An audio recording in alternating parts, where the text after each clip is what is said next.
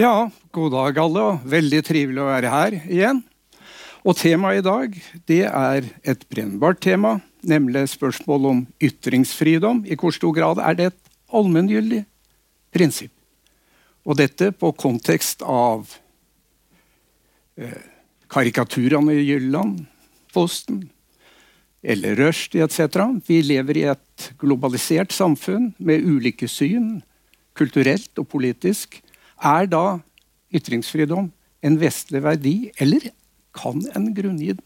Så det første spørsmålet hva forstand går det an å grunngi den som et allment prinsipp? Og i så fall, hva slags grep kan da være nyttig å ta for å styrke ytringskulturen overfor forfall av forskjellige slag, også fake news og den slags? Så det er problemstillinga, og det er konteksten. Og da er første spørsmål ferdig å grunngi. Altså En ting er spørsmål om alle skulle være samlet om en ting, men det var ikke det jeg tenkte på. Det er et sånn faktumspørsmål. Men spørsmålet om er det, er det faktisk et prinsipp som en kan si er gyldig for oss? Normativt gyldig for oss.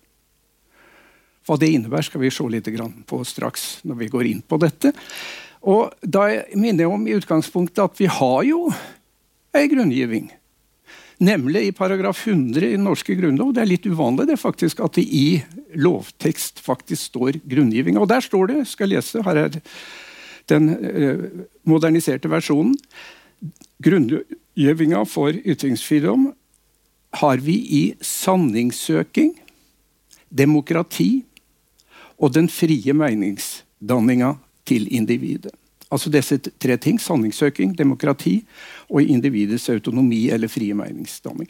Dette er også standard i en god del andre diskusjoner, men det er altså innebygd i paragraf 100, første punkt, i den norske grunnlov. Ja, men da skulle en jo si at alt er på plass. Ja, hos oss er det greit. Men alt den gang Jeg satt i kommisjonen for øvrig, som var med å skrive dette her. Så dukka det naturligvis opp spørsmål om Western values. Og hva gjør en med det? Først bare en tankeeksperiment for folk som sitter her nå. Hva slags alternativ er det for å grunngi det? Altså, Et syn er jo det at det er veldig nyttig med ytringsfrihet. Altså Alt under, under det opplyste monarkiet som det heter på 1700-tallet, så var jo monarken i København interessert i å vite hva som foregikk rundt omkring. Det er ikke så lurt å legge lokk på forestillingene, for da vet en ikke hvordan en skal styre samfunnet.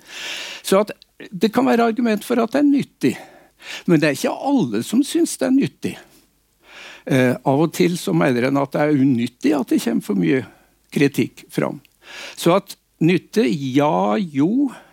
Men når er det det tar til å knipe? Altså i en stabil situasjon, kanskje, men når det blir ustabilt, eh, hva da? Så det er ingen sterk og klar, ei sterk og klar grunngiving når det tar til å knipe. Ja, Det andre er at det er en verdi. Ja jo, det er en verdi. Ja, for, for somme er det en verdi, men det er ikke en verdi liksom for alle. Altså Start igjen med, med Rushdie. For Rushdie var det en verdi å kunne skrive sataniske vers, men for uh, islamistene i India som reagerte på det, så var det en verdi at han ikke skrev sånne ting, men holdt seg til en ortodoks religion. Der var det ulike verdier som sto mot hverandre. Og ikke nok med det, sjøl om en skulle mene at det er en verdi og greit nok, så det, finnes det jo andre verdier, og du får avveging mellom deg. Så at du kommer ikke langt, men både nyttig, ja, av og til er det nyttig. Verdi, ja, det kan bli sett på som en verdi, men en ser stadig Det er liksom ikke veldig sterkt. Det er stadig kontroversielle ting som ligger under. Så kan en da si å være jurist og si at når det er et juridisk vedtak, så er det på sin plass. Men da er det igjen et spørsmål juridisk vedtak hvor? Her i landet? I Europa? I Kina?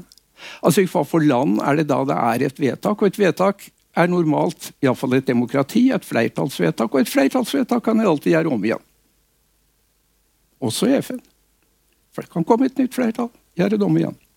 Men hvordan kan en da Ja, da kan en si menneskerettene. Ja, men menneskerettene, hvor kommer det fra? Det er vel også et flertallsvedtak. Nei, så det er ikke helt beint. Så kan en ende opp det siste, fjerde punktet, at det er menneskets medfødte, individets medfødte rett. Ja, også i steinalderen. Ja, Det ga vel ikke mye mening den gangen. Du må vel ha en rettsstat for at du skal si at individet har en rett. Ja, men da er det ikke individet som har det, men det er individet i en rettsstat da, i så fall. Ja vel. Så er det et spørsmål hvordan den fungerer. Og så er det da igjen et spørsmål om eh, Ja, vi vet jo at vi er ikke alltid så autonome. Det vitenskapene viser, fra naturvitenskap til samfunnsvitenskap, humaniora også, er i hvor stor grad vi er prega av arvemiljø. Så jeg bare sier dette her at det er mange måter å Alt dette er sånn ja jo. Det er poeng som er verdt å ta med, men en ser liksom En kommer ikke helt fram. Iallfall skal en være klar over at det er en viss type i en viss kontekst. Da går det, men bør en Og går det an? Og det er det spørsmålet vi Det mer ambisiøse spørsmål. Går det an å stramme det til? Ja, fra Jæren bare litt sånn personlig. Jeg har hatt eh, samarbeid med ymse folk rundt om, mellom annet gode venner i Kina. Gode venner. Og eh, fra Jæren, når en skal diskutere ytringsfrihet i Kina Nå har det endra seg. Situasjonen er ikke stabil, etc., men jeg har samarbeid der iallfall en 30 år, veldig tett og veldig godt. Og min erfaring er at uh, en bør starte med det vitenskapelige. Nå er det jo fordi at de er i treiden også, naturligvis. Vi vil begynne med å starte at Det er et universitet vi har særlig mye samarbeid med i Shanghai, som heter East China Norman University. Det betyr Shanghais læreruniversitet. Og Der står det en stor Mao-statue utenfor, og under står det på kinesisk og engelsk. Der står det sitat, 'Seek truth'. Ok, men Fenn bestemmer ikke hva det er? Men så kommer det 'Foster originality'. Ai, ai, ai and live up to the name of teacher. Ok, her er det kanskje et eller annet å ta vare på. Kina er tross i alt en gammel kultur, gammel lærdomskultur som har bestått i hundrevis av år. Hva er det de har? Jo, jeg tror et spørsmål kan stille hva med vitenskapelig kvalitet? Har de gode kandidater? Ja, jo, men det har jo det.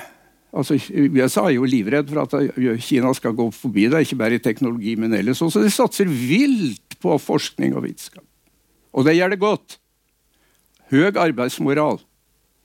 God innsats. Men for å kunne ha god innsats og kvalitet, da må en jo kunne diskutere resultater. Så da er neste spørsmål ja, men da diskuterer de vel om det ene er bedre enn det andre. Ja, jo, det er naturligvis. Ja, Men skal en kunne diskutere, så må det jo være ytringsfridom for å komme fram med motargument. må det ikke? Ja jo, det må det jo. det må det jo. Og da kommer vi fram til en interessant ting som vi kan dra tilbake til en filosof som heter John Stuart Mill. Han sa det veldig enkelt sånn. Dersom du mener å ha rett, så må du vel kjenne deg relevant til motargumenta. For dersom du ikke kjenner deg relevant til motargumenta, hvordan kan du da vite at du har rett? Ja. Smak på den. Dette er et sjølreferanseargument. Dette er ikke et empirisk argument. Dette er et argument om hva det betyr å si ting meningsfullt. Mener du å ha rett, så må du vel kjenne motargumentet. Om du ikke kjenner motargumentet, hvordan kan du da vite at du har rett? Og det fører oss et steg lengre. Nemlig at vitenskapelig virksomhet som også ja, hva er det folk driver med i forskning? Absolutt alle rare ting, altså. Bortsett fra å drikke kaffe og klø seg i nakken. Så, somme er på laben, somme er i, i, i biblioteket, somme er ute i felten, somme driver med laks oppe i, i Svalbard etc. Om du skal beskrive hva folk driver med forskning, er det veldig forskjellig. Men det, det er én ting alle har felles. Hva det har? Det diskuterer resultatet etterpå.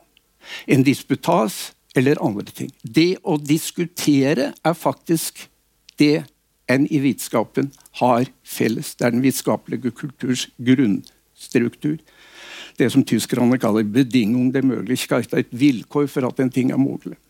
Så her kommer vi inn, og det er et interessant altså, som de ser, altså, Du kan si at ytringsfridom, kritisk drøfting, er en del av den vitenskapelige kultur. Punkt 1, sant?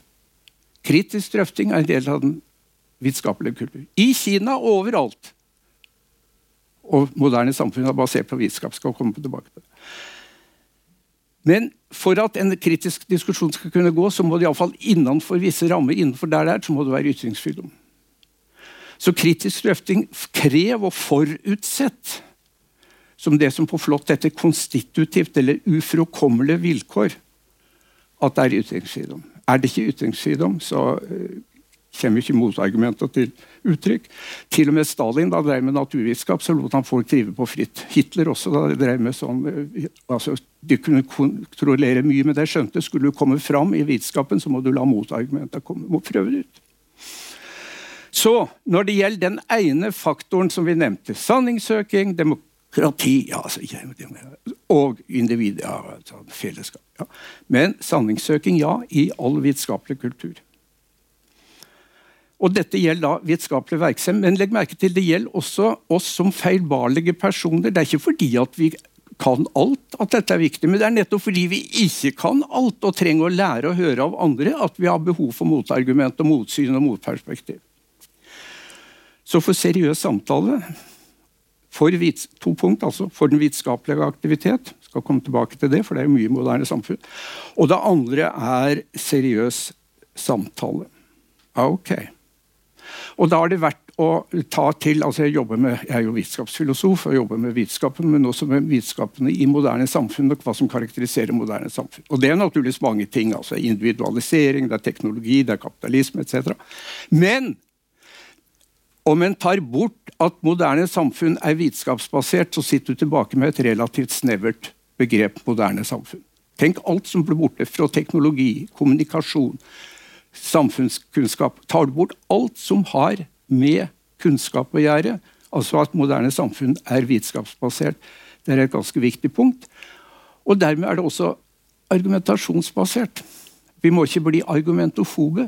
Vi må ikke bli sånn at vi ikke vil høre motargument. Jeg har rett, men jeg vil ikke høre et motargument. Ok, ok.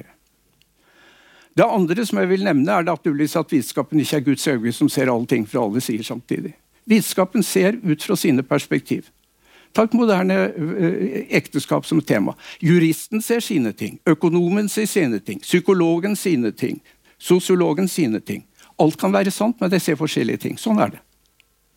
Slik at Det er ofte veldig viktig at en ikke bare ser motargument som fakta, men også det at kanskje finnes det andre perspektiv til det du snakker om om denne saka her.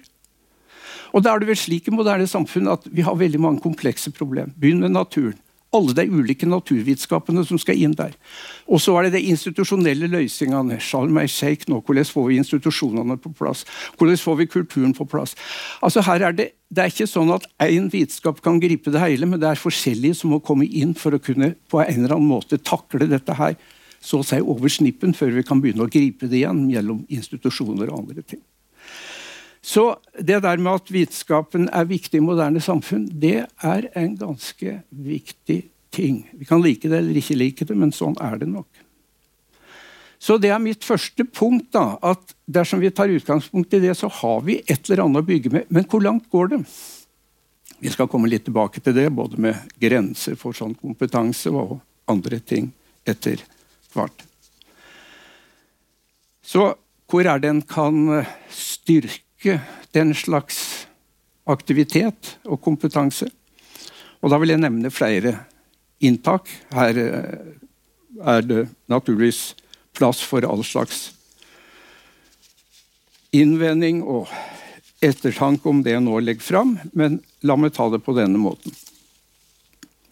Dersom vi har universitet som er ikke bare i navnet et universitet, men som har alle fag for alle fag, ja, det kan en lure på, men altså alle naturfag, samfunnsfag, humanistiske fag, teologi, juss etc. Altså ikke bare ett fag, altså f.eks. kjemi universitetet. Det, det vil være uh, greit nok, det. Altså du kan ha, Hvorfor skal det være samla? En kunne hatt altså som i USA sånn law school, divinity school, medical school. og Det har ingenting med hverandre å gjøre, ja, men det har gått fint, det behøver ikke å ha det sammen, men det som er typisk i vår tradisjon, er jo at det er der sammen. Er det bare fordi at departementet syns det er greit å ha felles lover for folk som driver med veldig forskjellige ting? Økonomisk og administrativt har det ulike behov. Eh, hvorfor er det en institusjon? Vel, hva er det med det å ha forskjellige fag sammen? Jo, det er det at vi skumper borti hverandre. Det er det Jon Hellesnes kaller granskarlotten. Altså Når du har kolleger i andre fag og du begynner å snakke utover din egen kompetanse, og de ser i, i taklampa og ler, så er det sivilisatorisk for alle av oss. Eh, og det der skal en ikke kimse av. Eh, det at vi er der, men det forutsetter jo en uh, hel del ting. Eh, det forutsetter sånne arkitektoniske ting. At vi ikke er så mange at vi ikke ser hverandre. At vi er langt bort fra hverandre, at vi ikke kommer i beina på hverandre. Jeg startet jo her for 60 år siden. Da var vi relativt få, og vi var stort sett på samme kantina. Og folk uh, gikk i beina på hverandre. og kan si mye rart om det, mye rart skjedde, men det var også veldig fruktbart sånn interkollegialt. Fordi at du ble sensitiv. Ikke det at du lærte den andre, men du lærte hvordan den andre ser det. Det er sosialisering. Det å lære å se hvordan den andre ser på deg, også faglig. Det å skjønne at det finnes andre begrep om de tinga du snakker om, som også kan være interessante og relevante. Altså Det der er en ganske, ganske interessant ting. Altså Gudmund Hernes har av og til eh, liksom sånn gode øh, Eh, formuleringa sa at en student skal lære to ting. sånn. En student skal lære en modell, og at modellen ikke er realiteten. Det er viktig for å skjønne hva du kan, nemlig at det er grenser for hva du kan. Altså Det å skjønne ut fra et visst perspektiv er å skjønne i en viss begrensning. Også. Og det innebærer da en viss respekt for at andre kan ha andre ting å si om det samme. Så den type, Men det, det forutsetter da at en er sammen. Det forutsetter.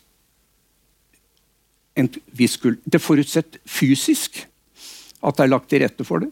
At det fins fora for det. Jeg nevnte kantine, skal jeg kimse av, men andre trappeoppganger. alt sånt rart. Og at det er institusjonelt, at det av og til altså er opplegg undervisningsmessig. Jeg hadde f.eks. et opplegg i undervisning med Helga Hernes da hun kom hit. Hun er jo kvinne da, med tysk-amerikansk bakgrunn og statsviter. og jeg er filosof, mann og, og, og norsk. Og det vi da gjorde, var uten å spørre ting, det var mindre byråkratisk den gang. Vi sa du har de grupper, vi har de grupper, to institutt, to fakultet. Vi sa vi legger det, var politisk teori vi jobba med. Politisk teori. Vi sa vi, vi legger det på samme tidspunkt.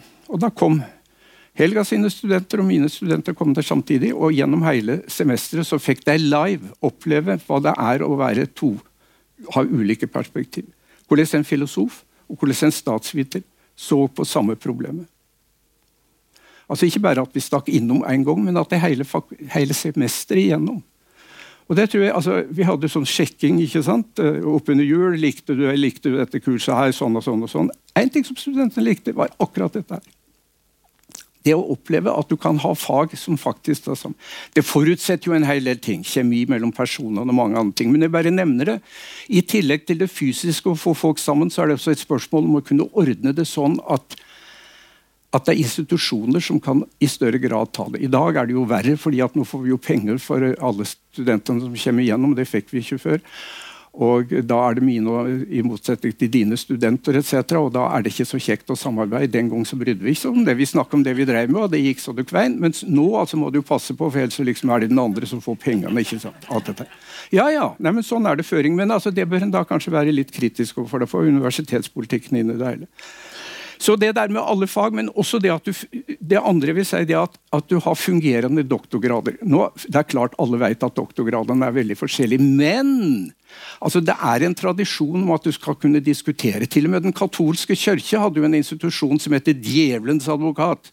Advocatus diaboli. Hva var det han skulle? Jo, han skulle hindre at en fikk helgener som var skjelett i skåpet. Altså en skulle, Før en skulle heilagnevne et person, så måtte en finne ut at vedkommende ikke hadde svin på skogen, for å si det på den måten. Advocatus diaboli. Og Det betyr at en måtte være åpen for, altså for å se alle sidene ved vedkommende person før en slepte det hele tiden. Altså Det har vært institusjoner av den slag, og det er veldig nyttig, det. Og øh, altså, Nå er det jo hvordan kvalitetssikrer enn i dag. En senest et engelskspråklig eh, tidsskrift, og så sitter en person som du ikke vet hvem er, og som sier et eller annet med sin bakgrunn som du ikke heller riktig vet hva er, og så får en poeng for det. Men altså, det er jo andre måter å ta det på, som naturligvis er mer arbeidskrevende, men som vi hadde før, nemlig at vi diskuterer med hverandre. Åpe og greit, og sier at liksom, hør her, altså, dette er bra, men nå, det du sier nå, det henger ikke på greip. Og da må jeg også si, I morgen skal det være om Hans Skjervheim. Jeg må si mye rart. Altså, både Ness og Skjervheim Skjervheim sagt han gikk og banka på døra, og så, så, gikk han inn og så sa han folk altså, du er ureflektert. Du skjønner ikke hva du driver med. sa han. Og sånn blir det god diskusjon av. Og liksom Av og til er det riktig, av og til er det ikke riktig. Men altså det er, eh, John Elster sa en gang at vi er for høflige, og det var en altfor høflig måte å si det han mente. Han mente at vi her i landet er for altså, diskusjonssky. Jeg mener altså, Det er et privilegium å være i akademia, men da må en også få seg øra flagrer når en sier ting som ikke henger på greip. Altså, kritikken, Den interkollegiale kritikken er veldig viktig. Og Det betyr ikke at det en sier er, er tull, men det betyr at en må, må, situere det slik at en får det der. Alt dette her forutsetter jo en kultur naturligvis, som ikke alltid er god å få på plass.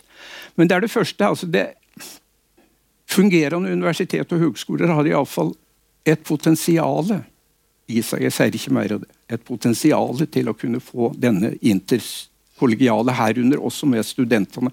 For jeg må si det at En snakker ofte om forskningsbasert undervisning. Jeg vil snakke om undervisningsbasert forskning. For Om det er ting jeg har skrevet som jeg syns henger på greip, så er det ofte fordi jeg har prøvd det ut mot folk, og ikke minst mot studenter. Altså. Få tilbakemelding. altså Hva som er viktig, hvor er poenget, altså alt dette her. Så den læringsprosessen er uh, veldig viktig. Ok, Det er mer å si om dette her. Uh, også en del eksempler som jeg ikke skal gå inn på tida går. Men uh, det var ett tiltak i én institusjon som er relativt viktig.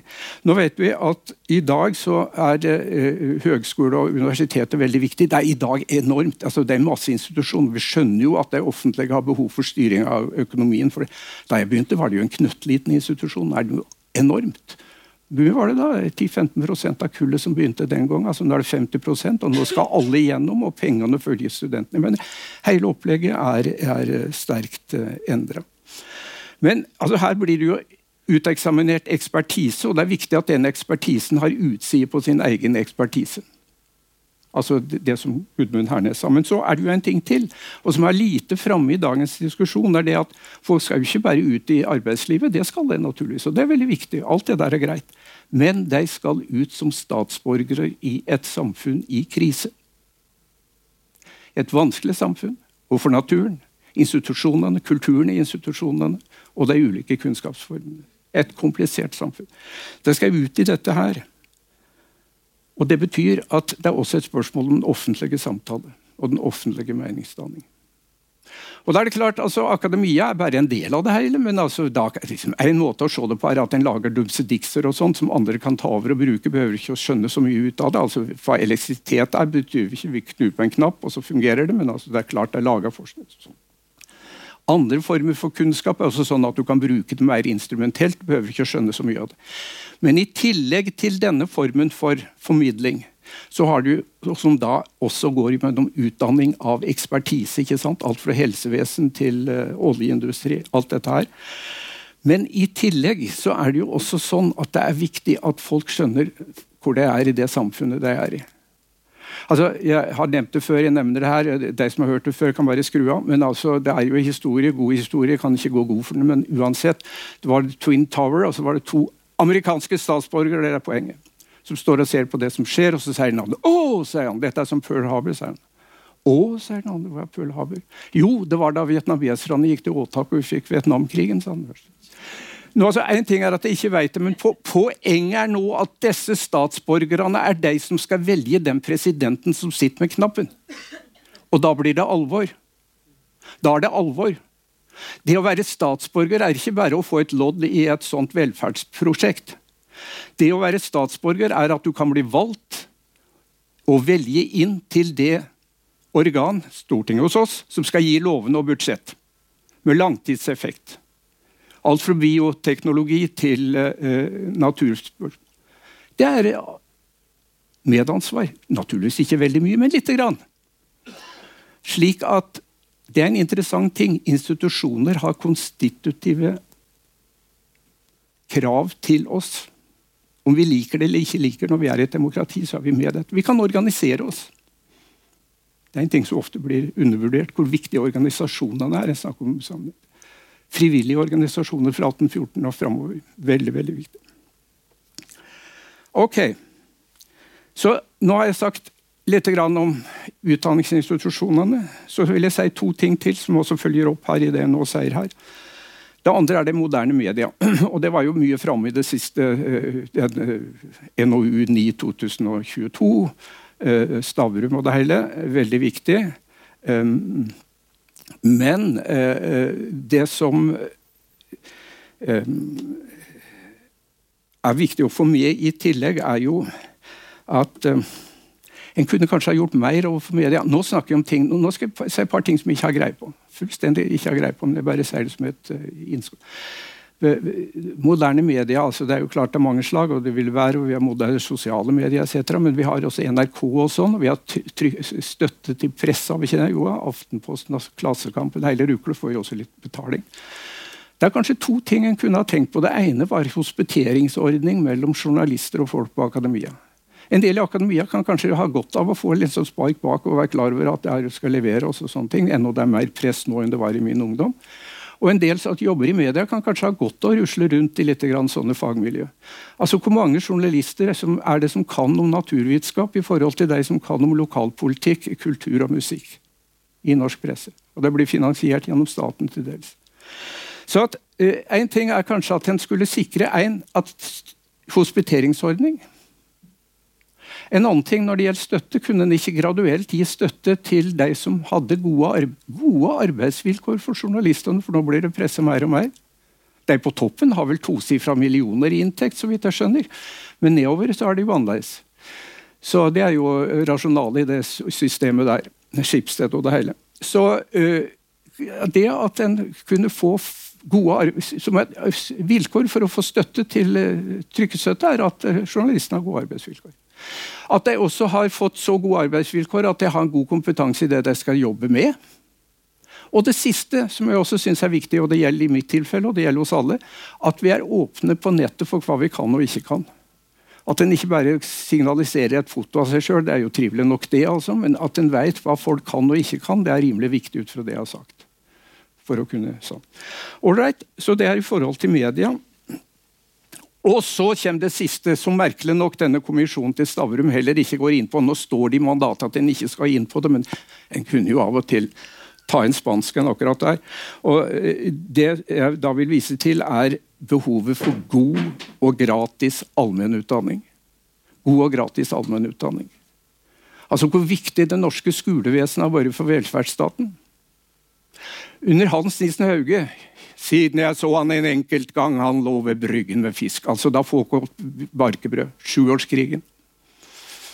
Da blir det sagt at norske statsborgere, fra de nyfødte til de senile Hver fjerde hadde kjøpt et skrift av Hans Nissen Hauge. Hver fjerde statsborger.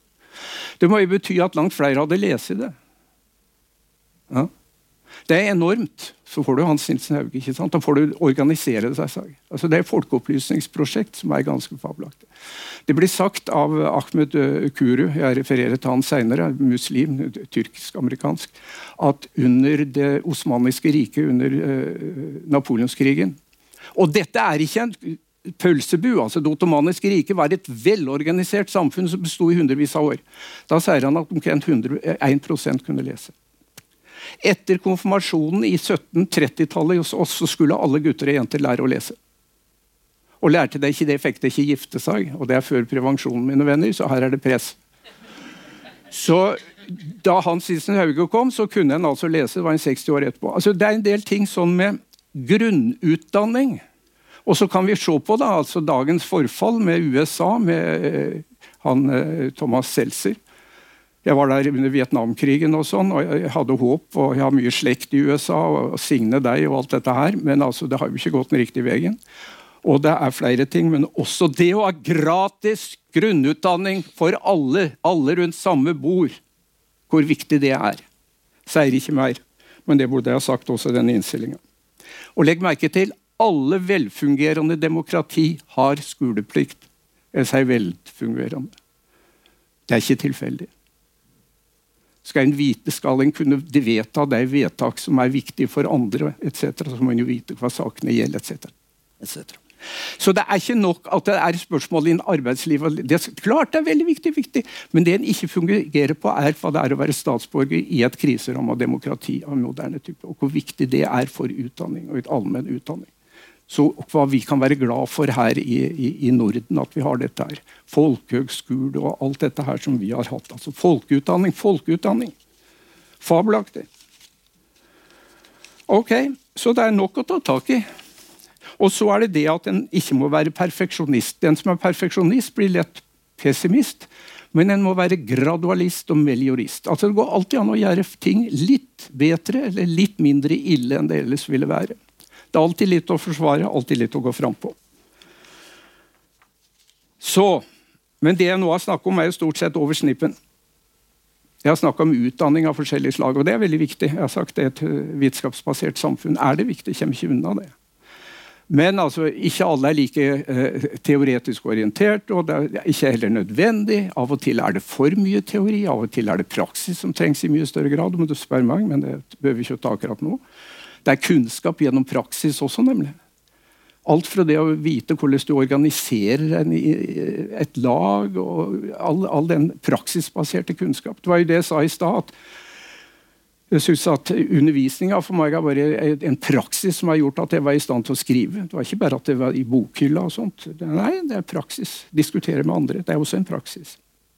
Men det jeg vil ha sagt, og nå refererer jeg til Frelsesarmeen, soup, soap and salvation. Eller Brecht. Erst kommt das fressen, dann kommt die moral. Altså, eh, Såpass sosialdemokrat bør en være at det er veldig viktig med alt dette her med utdanning etc. Men dersom folk opplever at livet er utrygt, og det er utrygt, og de blir fortvilt for sine barn og hvordan det skal gå, ja, så eh, er det ikke nok liksom, å sende deg på kurs, for å si det på den måten. Altså det, En må både ha det over snippen og under snippen. Og Det er jo også det som er det gode i det norske, at, at vi hadde både og. Det var ikke bare over snippen. Vi organiserte oss etter 84. ikke sant? Politiske parti, fagforeninger etc. Hvor gode vi var til å organisere i 1905! Kvinner fikk ikke røyste, for jeg gjorde det i løpet av 14 dager. I det nest lengste landet i Europa, bare Russland er lengre. Før mobiltelefonen. To tredjeparter av, av mennene deltok i kvinnenes sjølorganiserte folkeavrøsning. Det viser med enorm evne til organisering. Også en kunnskap. Også viktig. Viktig til å føle at den er med, og at den får gjort ting. Så I tillegg til det jeg har sagt om utdanning, sånn overfor jeg en for å ta vare på en ytringskultur. Det er det vi snakker om. ikke sant? Nå har jeg snakket veldig mye om liksom litt sånn, det jeg kaller oversnippen. Men nå øh, vil jeg da minne om hvor viktig de sosioøkonomiske tingene er. Trygge liv, og ikke for store skilnader Altså de som kan bære mest, bør bære mest, naturligvis. Og så videre.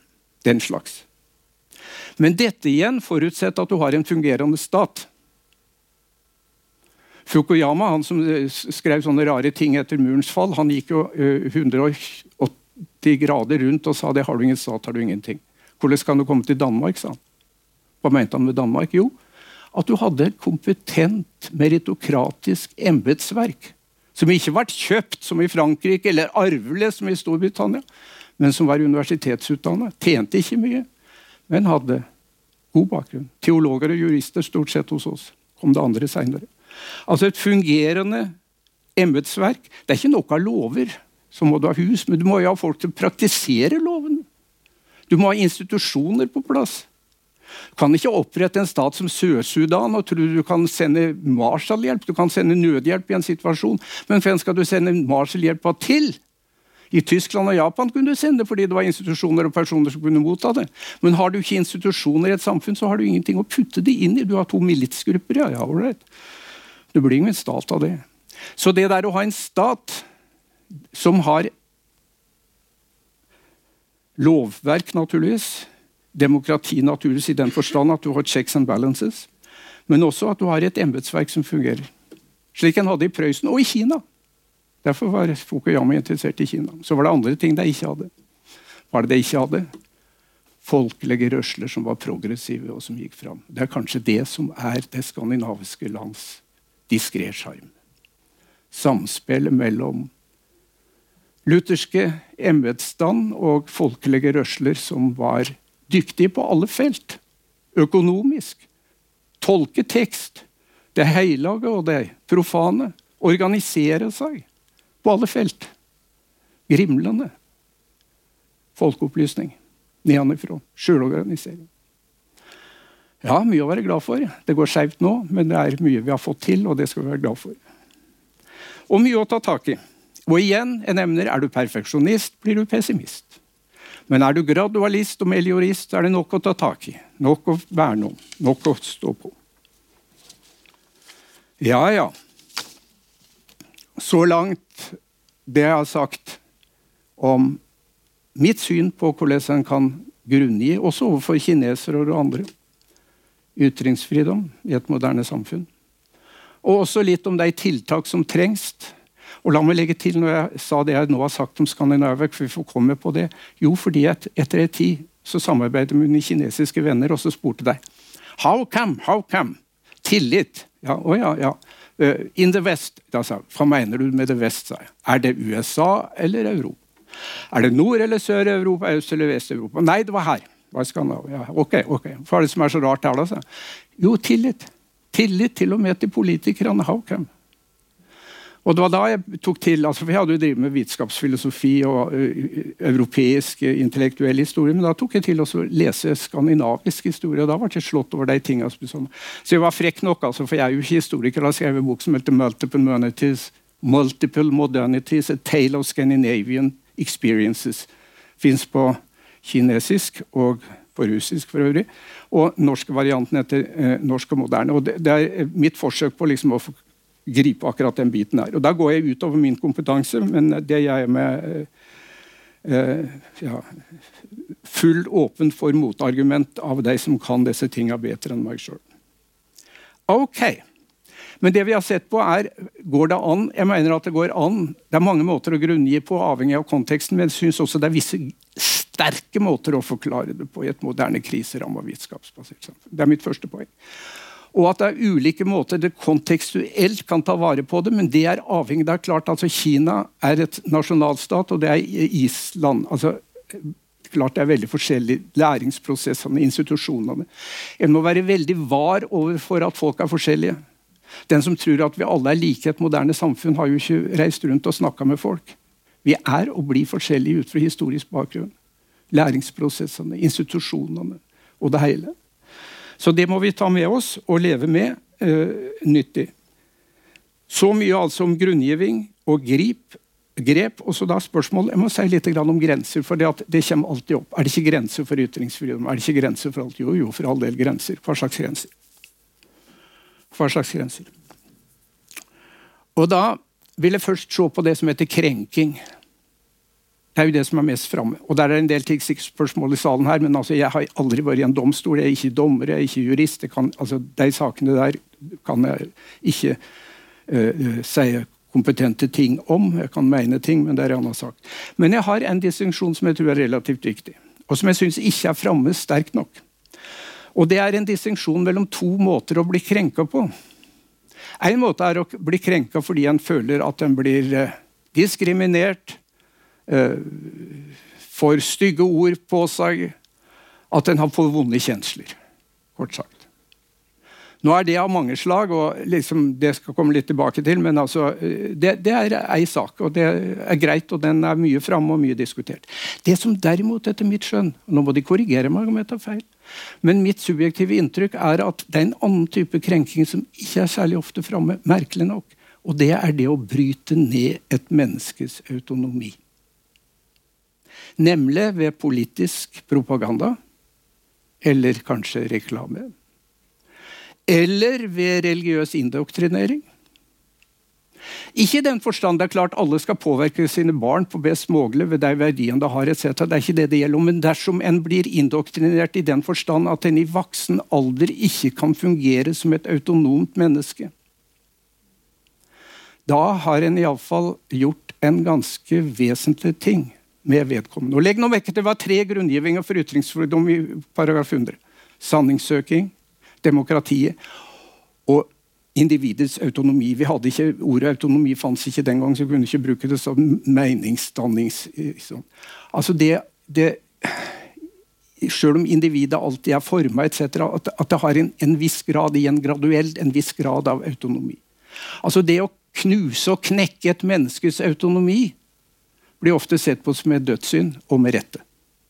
Og I mange tilfeller vil jeg mene at det er verre enn å få vonde kjensler. Men dette blir det snakka veldig lite om, merkelig nok. Og Det fører over til et annet punkt også som jeg synes er viktig. Hans Skjervem igjen, altså kommunikasjon og manipulasjon. Det er klart, All diskusjon har også et maktmoment i seg. Altså, vi er jo ikke naive. Altså, det er relasjoner etc. Et Men det forhindrer ikke at det, det som heter idealtypisk eller altså sånn, Ideelt sett så er det et skilje mellom det å være ute og påvirke et menneske F.eks. til å kjøpe et vaskemiddel, eller til å stemme opp et parti. eller for et eller annet. Altså kort og godt, Det å være ute etter å hjernevaske et menneske, da, for å si det litt brutalt manipulere. Og det å kommunisere for å ja, kanskje lære av det andre, høre om det andre andre perspektiv som du kan lære av. Kanskje du har argument som den andre perspektiv den andre kunne ha gått eller altså, det er i alle fall Ideelt sett så er det et skilje mellom det å kommunisere på denne måten, som jeg nevnte nå sist, og det å manipulere. Så kan en si at ja, men det er alltid litt imellom. Jo, jo! Det er omtrent som å si sjuk og frisk. Vi er alltid litt sjuke og litt friske og midt imellom. Men det betyr ikke at det er meningsløst å snakke om at vi er sjuke og friske.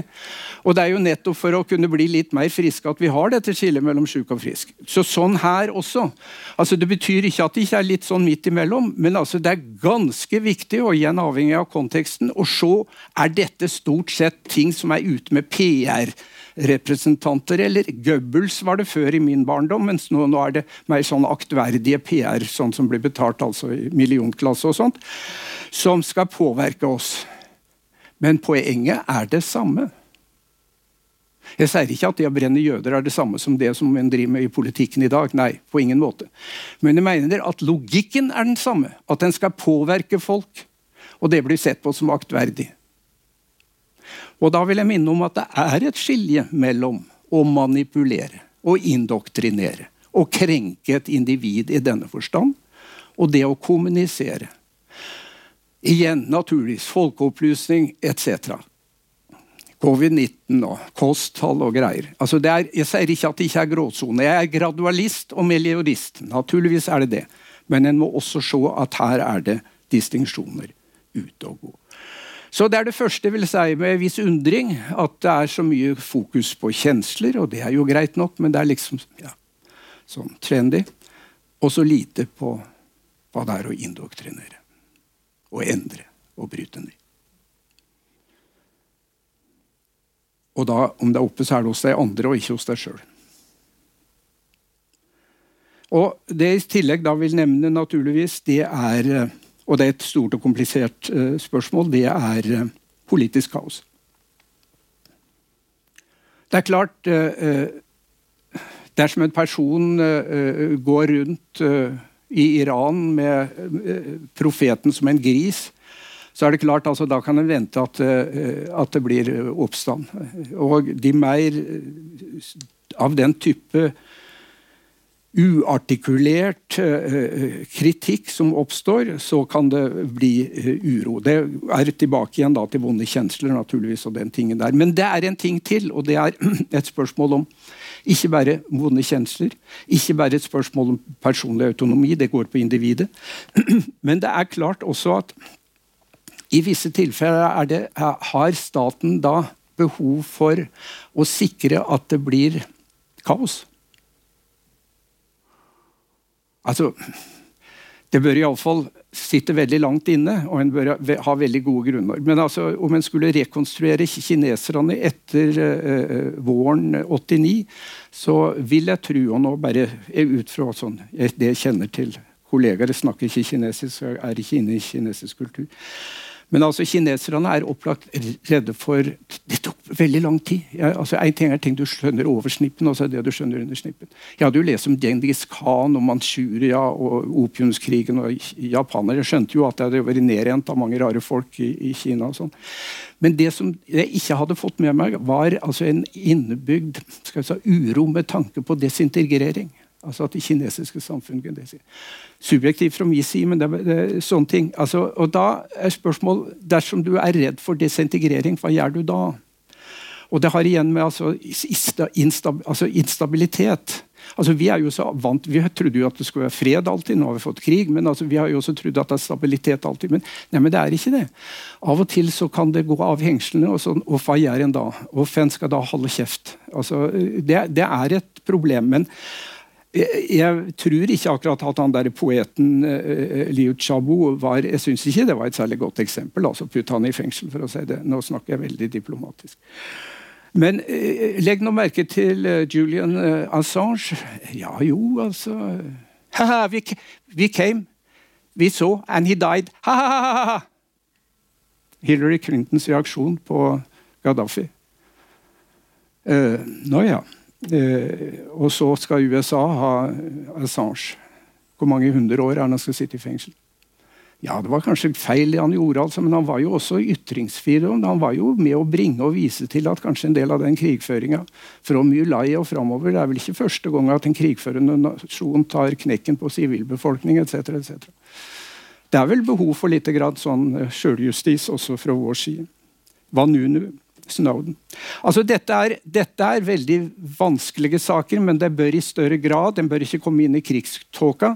En bør i større grad nøktern kunne diskutere både hos seg sjøl og hos andre hva som foregår når det gjelder den type ting. Ok?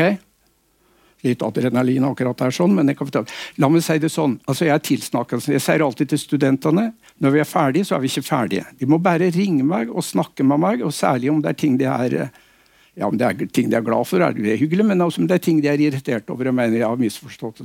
Det gjelder her også. Bare, bare slå på tråden. Alle døgnets tider. Jeg sa også ringer det om natta, sa jeg, så får du korte svaret. Det var de som ringte om natta, fikk korte og hyggelige svar. Og, om en treng, og det hadde behov for det. Ålreit, da skal jeg bare avrunde litt sånn at det jeg nå har sagt, det er klart veldig grovt. altså Dette er et stunt. jeg har sagt sånn, Men altså, under det og bak det. og ja, Jeg har skrevet litt om den siste boka mi også, som heter 'Religion i moderne samfunn'. Et par eh, kapittel der sånn, om Jyllandsposten og, og den slags. Og eh, om eh, krenking. Men jeg vil bare eh, minne om et par måter også som Nå, nå går jeg mer inn i, i det juridiske. da, det er at Eh, dersom en blir krenkt, så er det jo et det er jo et skilnad på det å bli krenkt ved at du får et eller annet midt i fleisen, f.eks. i beste sendetid. Du har ikke be om du får det der. liksom Sitt med hele familien, og så får du oi. Profeten blir framstilt som en gris midt på TV. Altså, jeg mener, altså, det er klart folk reagerer. Men dersom det står et eller annet i en dansk lokalavis som du må kjøpe og lese for å finne ut av, og så blir du veldig sint etterpå men da, liksom, Det er et eller annet med ulike fora som ting foregår i. Helt flott. Den yngre generasjonen må vi ha med oss. Og det er også et spørsmål om måten veldig mye. En ting er hva som blir sagt, men måten er jo ofte uh, vel så viktig. Men så, og da vil jeg avrunde straks uh, nå med det her, tida går. Uh, altså Det jeg nå har snakket om, er på en måte et kjerneområde. Og så vil den altså med sanningssøking, finne ut hva som er rett etc. Individets autonomi, som naturligvis er viktig for demokrati, men det er jo ikke alle som vil ha demokrati. Men for oss som vil ha demokrati, er det jo viktig etc. Altså det er her eh, har rigga til eh, grunngiving og også de tiltak som trengs. Men det er klart, og det ligger i det som jeg har nå sagt, jeg bare vil avrunde med å nevne det kort, at hva med næringslivet? Altså, Næringslivet bør jo ytre seg, men det er vel neppe for sanningssøking eller individets autonomi eller demokratiet. Det er, jo, det er jo helt andre grunner som gjør at den ytrer seg både om det ene og det andre. Og Det bør kanskje også bli sagt litt sånn mer i klartekst. Og jeg syns jo at det er rart at denne, eh, denne innstillinga 9.2022 med Stavrum gikk inn for å avskaffe forbud mot uh, politisk reklame, strek propaganda, i fjernsynet. Fordi det er så få som ser på fjernsynet. For det første, det siste at det er så få som ser på, kan neppe være et veldig godt argument. Men tvert om så er det jo et all grunn i dag til å være forsiktig og skilje mellom manipulasjon og kommunikasjon. Så jeg syns ikke akkurat det var et uh, intellektuelt høgmål på det uh, basis. Kunst er naturligvis også et kinkig spørsmål, for kunst er veldig viktig. Som jeg sa, Det er mye som er over snippen, men mye er under snippen. Mye er praksisbasert, men altså kunst er naturligvis også viktig. Siterte jo, Jeg siterte med, med uh, Terje Viken. Det er klart, altså Den som har lest dikt jeg mener det, altså, det kommuniserer. altså Enten det er eh, litterær kultur, bildende musikk, sang altså, Alt dette er, formidler jo veldig mye. Men da er det jo klart at det kan en bruke på begge måter. Goebbels brukte det også. sant? Så det kan ikke være altså en, Igjen må en se hvordan det fungerer. Så det er mitt syn her. Kort sagt, nå har jeg snakka lenge. Jeg har vært lenge i Bergen, og da er det vanskelig å holde tett. En skal jo Jeg gikk jo på institutt sammen med Arild Haaland, men lærte jo å ta ordet og holde på det så lenge en kunne, og nå kan jeg.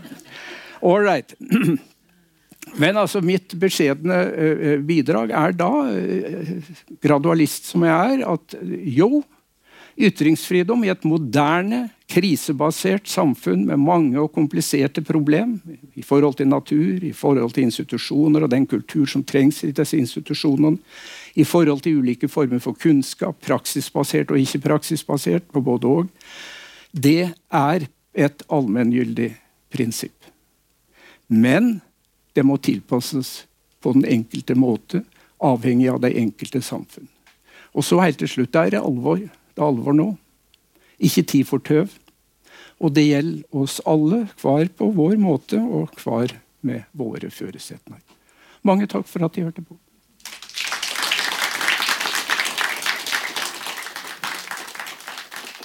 Akademisk lunsj onsdager klokka tolv på Bergen offentlige bibliotek eller når du vil på bergenbibliotek.no, eller der du lytter til podkast.